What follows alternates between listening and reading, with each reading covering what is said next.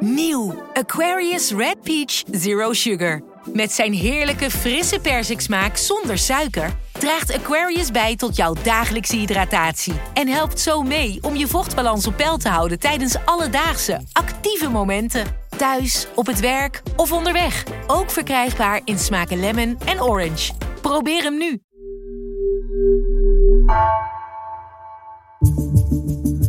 Vanaf de redactie van NRC het verhaal van vandaag.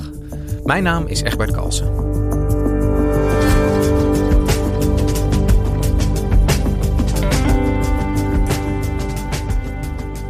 Het Zwitserse bergdorpje Davos staat de komende week weer in het teken van het World Economic Forum. Deze weinig transparante netwerkbijeenkomst van politici en ondernemers werd in coronatijd het centrum van vele complottheorieën.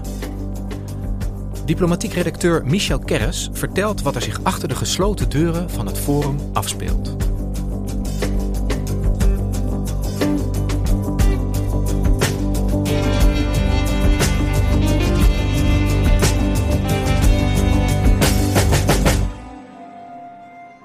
In Zwitserland op 1500 meter hoogte ligt een dorpje genaamd Davos.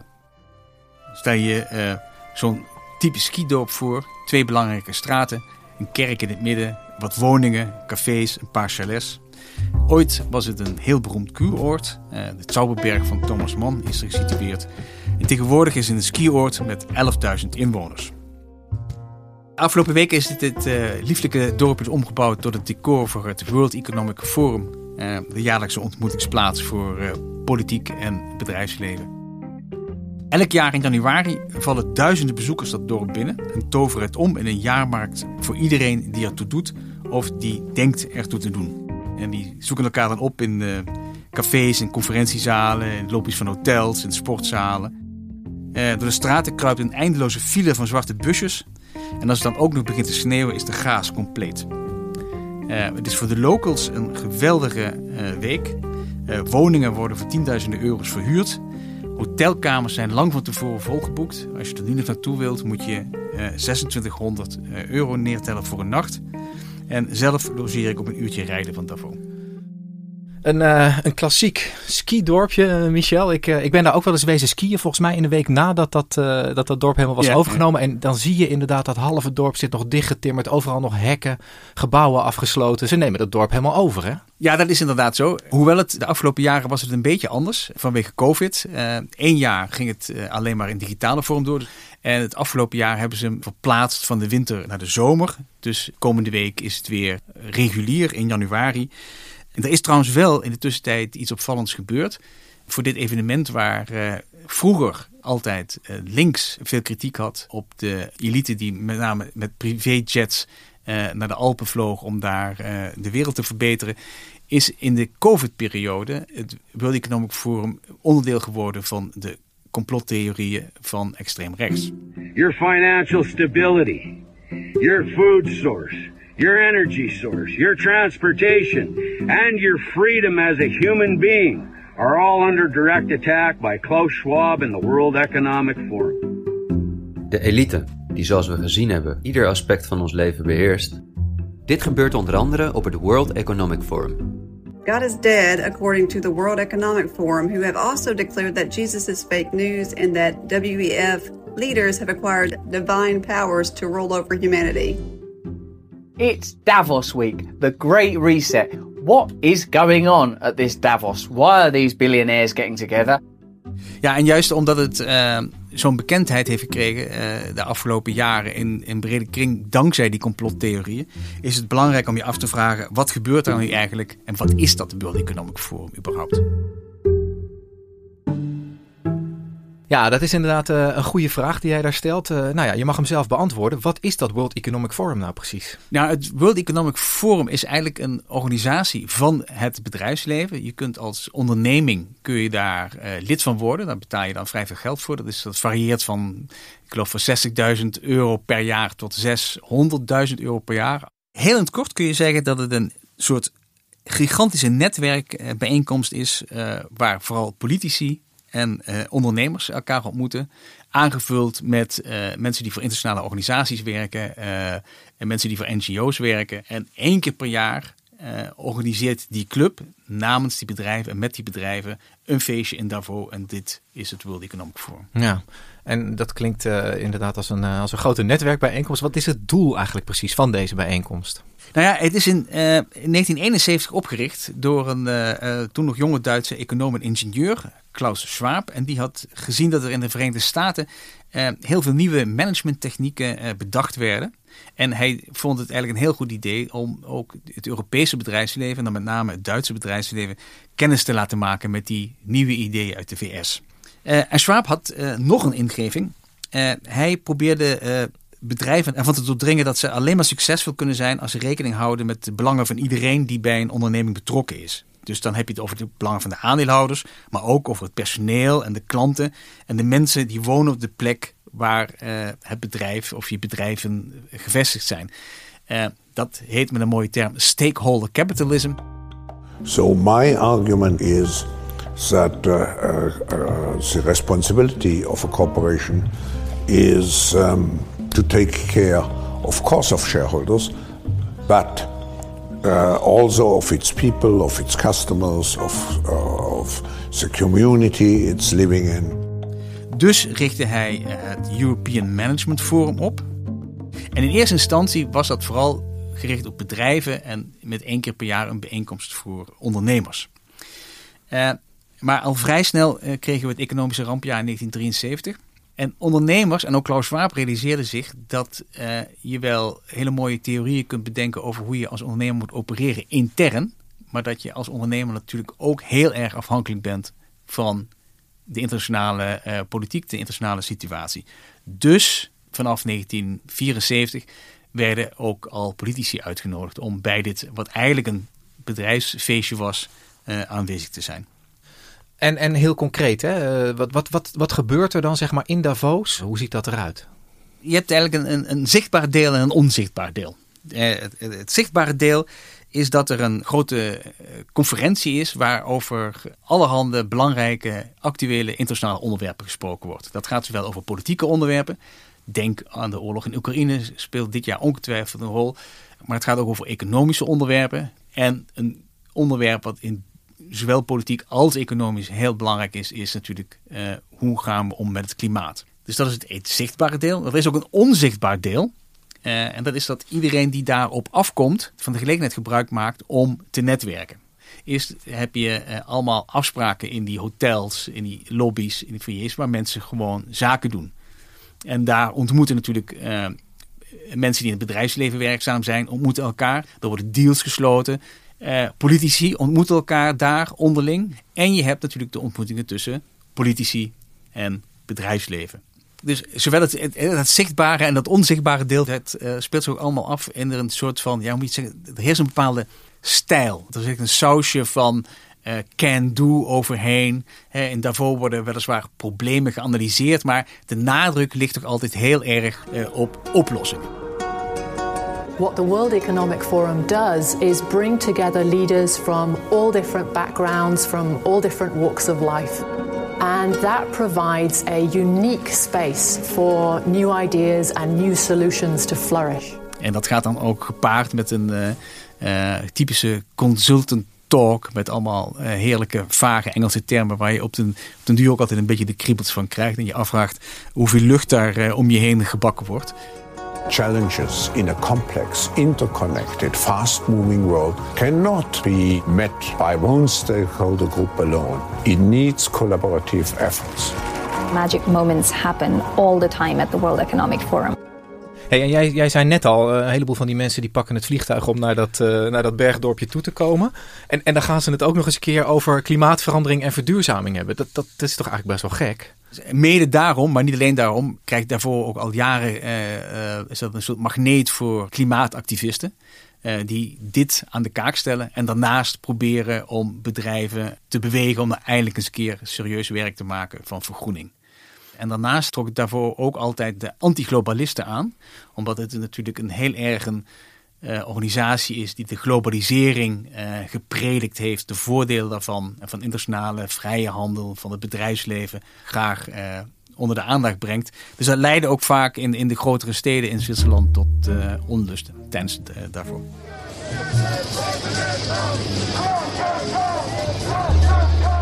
Dus, dus dat World Economic Forum dat trekt al enige tijd uh, de aandacht van, uh, van klimaatactivisten en, uh, en die antiglobalisten. Maar de laatste tijd, jij zei het ook al eventjes, trekt het ook aandacht van, van een andere club, hè? die complotdenkers. Hoe zit dat precies? Inderdaad. inmiddels heeft extreem rechts daarvoor ook ontdekt. en die complottheorieën die populair werden tijdens de pandemie, daarin is daarvoor ook een prominente rol gaan spelen. Dat ging als volgt. Kijk, het WEF en Schwab die schrokken natuurlijk ook van die pandemie. En Schwab dacht, uh, daar moeten we wat aan doen. Daar moeten we consequenties aan verbinden. We kunnen zo niet verder met de wereld. Dus samen met toen nog Prins Charles, nu koning Charles, uh, bedacht hij een nieuw plan over hoe de wereld na de pandemie beter verder zou moeten gaan. En dat noemde hij de Great Reset. I think the world um, which uh, we want to create with the Great Reset has to be much more resilient. It will have to be more inclusive. And finally, um, more sustainable because um, uh, we know now the next crisis is already waiting for us around the corner. And it is the climate crisis. Maar dat woord de Great Reset is daarna een heel eigen leven gaan leiden. En dat werd door complotdenkers opgevat als een soort van code voor een, nou ja, hoe moet je het zeggen, een geheime totalitaire wereldrevolutie. En iedereen die uh, daar iets mee te maken heeft, uh, vonden zij verdacht. Ja. En, en, en wie zijn dan de aanjagers van die complottheorieën? Waar komt dat vandaan, dat geluid? Kijk, de Great Reset werd gelanceerd in juni 2020, maar kreeg pas echt vaart uh, een paar maanden later, in november, toen de uh, Amerikaanse verkiezingsstrijd op een hoogtepunt was, in dat najaar. Toen Trump vervolgens de verkiezingen verloor. En het raakte dus helemaal vermengd met woede ook over de lockdown. En het is, en dat is ook wel goed om nog even te onderstrepen, er zit ook altijd een hele duidelijke antisemitische lading in dat hele uh, vreemde complot omdat het weer gaat over mensen met veel geld die uh, de touwtjes in handen hebben in de wereld. En uh, ze linken het ook altijd aan bekende namen van Joodse families met veel geld. In Nederland uh, dook Forum voor Democratie er eigenlijk op. En de James Bond-achtige schurken die onder de vlag van het World Economic Forum en onder leiding van Klaus Schwab, die nog slechts een albino-kat mist om het plaatje compleet te maken, en een van deze globalisten is de heer Klaus Schwab, oprichter en voorzitter van het World Economic Forum. En hij heeft ook een boek geschreven met als pakkende titel COVID-19, The Great Reset. Onze ministers worden daar, denk ik, dat is vermoedelijk gesensibiliseerd. Op de manier waarop de globalisten dat graag zien. Dus de FVD zag er eigenlijk een soort van ja, neocommunistisch uh, plan in. Waardoor je dus eigenlijk als je nu terugblikt, de merkwaardige uh, situatie krijgt dat Klaus Schwab, die eerst jarenlang werd verketterd uh, door links als een pion van het grootkapitaal, nu opeens als de quadigenius achter een communistische koep uh, gezien werd. Dat is nogal een omslag. Je zou kunnen zeggen, even los van dat antisemitische, want daar zijn we volgens mij snel over klaar. Dat, dat, dat hoort gewoon echt uh, niet thuis in dit soort theorieën. Maar de, de, de opzet van Davos en het feit dat daar die, dat, dat bedrijfsleven en die politici samenkomen en achter gesloten deuren met z'n allen uh, de wereld bespreken, dat nodigt ook wel uit om daarvan allerlei theorieën op los te laten. Hebben ze dat ook niet een beetje aan zichzelf te danken dan? Ja, de manier waarop Davos is opgezet, dat is ook wel een beetje vragen om kritiek. En dat zit er met name in het feit dat een deel van wat daar afspeelt gewoon niet transparant is. En als er iets niet transparant is, dan kun je er alles op projecteren en van vinden en overroepen wat je wilt. Uh, en kijk, als de elite ergens samenkomt, dat is al, uh, al eeuwig zo, dan, dan wekt dat argwaan. Want iedereen vraagt zich af, ja, wat, wat, wat wordt daar bekokstoofd? Is het wel normaal dat uh, politici en bedrijven zo dicht op elkaar zitten? daar kun je van zeggen, ja, die contacten zijn dan normaal buiten daarvoor ook. Maar hier valt het wel heel erg op. En hetzelfde geldt ook voor die privéjets waar ik het net over had. Uh, die vliegen elke dag van het jaar. Uh, die mensen die die dingen hebben. Maar nu komen ze allemaal daar samen en loopt het heel erg in de kijker. Maar wat gebeurt er dan wel? Wat is bijvoorbeeld het nut voor die politici en die wereldleiders om daar naartoe te gaan? Dat netwerken, dat, uh, dat klinkt een beetje vaag, maar dat, daar zijn hele mooie concrete uh, voorbeelden van te noemen. Een paar jaar geleden bijvoorbeeld was, waren Nederland en België waren, uh, in een concurrentiestrijd verwikkeld om een vestiging van het Chinese Alibaba te krijgen. En, nou ja, dan is het natuurlijk heel handig dat als je als premier van een van de kandidaatlanden voor zoiets, dan even een handje gaat schudden met de baas van dat bedrijf. Dat kan dan in Davos heel gemakkelijk. Hielp overigens niet, want het depot is in, in België terechtgekomen. Wat Rutte ook bijvoorbeeld een keer deed, was een afspraakje maken met Jair Bolsonaro. Die was toen net president van Brazilië geworden. En toen was het idee van, de man heeft wel ideeën die wij heel uitzonderlijk vinden en waar we misschien niet mee eens zijn. Maar misschien is het goed om hem, hij is nieuw in het internationale circuit, om hem even een hand te gaan geven. Dat gebeurt dan ook in de marge van al die bijeenkomsten in Davos. Is Davos wat dat betreft niet alleen zeg maar, voor, handelsrelaties belangrijk, maar ook echt als diplomatiek platform? Ja, kijk, grote doorbraken in, in, de, in de belangrijke internationale dossiers komen er vrijwel niet voor. Er zijn een paar uitzonderingen uit het verleden. Bijvoorbeeld 1988 hebben Griekenland en Turkije daar, uh, zijn daar aan tafel gaan zitten. En op die manier hebben ze een soort eh, gewapend conflict met elkaar weten te voorkomen. Uh, er is de eerste ministeriële ontmoeting tussen Noord-Korea en Zuid-Korea. Was daar eind jaren tachtig in, in Davos. En ook, eh, en dat is ook wel een beroemde, de leiders van Oost- en West-Duitsland, toen die landen nog gescheiden waren, maar wel met elkaar in gesprek waren, die ontmoeten elkaar daar ook. Uh, er is ook wel eens een ontmoeting geweest tussen de Zuid-Afrikaanse president de Klerk en Nelson Mandela. And I see uh, Mrs. de Klerk has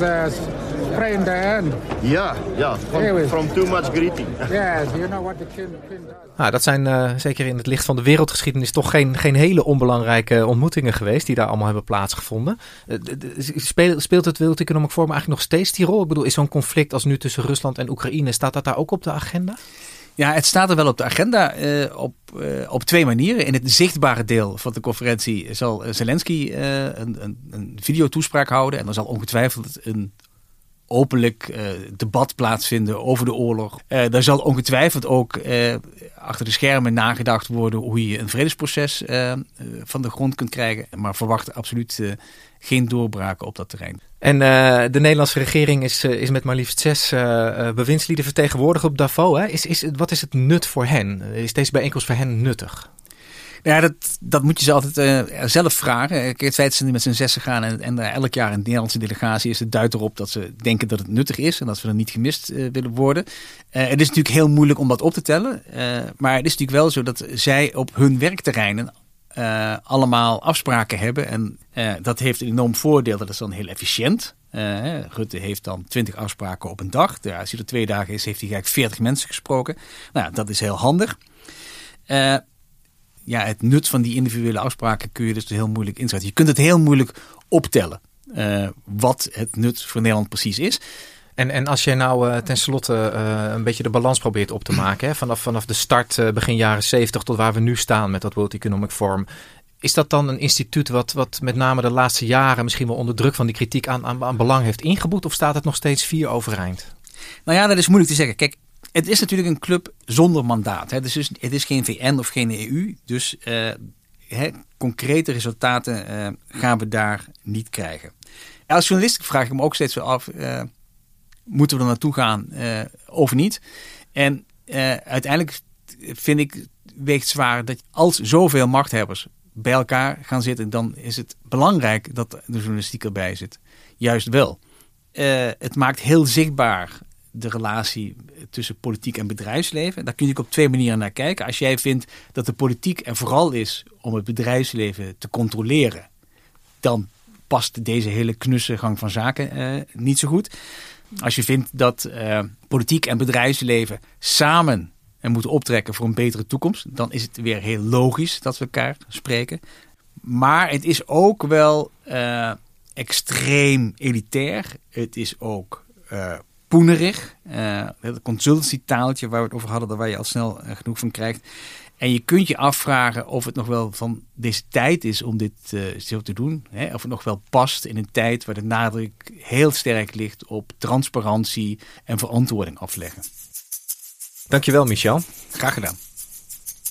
In deze aflevering wordt gezegd dat Nederland met zes bewindslieden vertegenwoordigd is op het World Economic Forum in Davos. Dat is onjuist. Het zijn er, inclusief premier Rutte, zeven.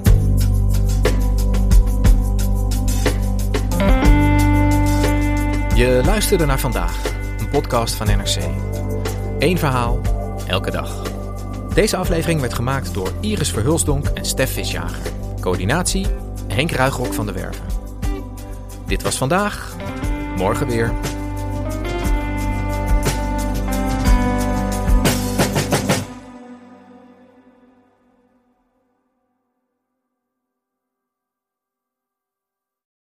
De financiële markten zijn veranderd, maar de toekomst, die staat vast.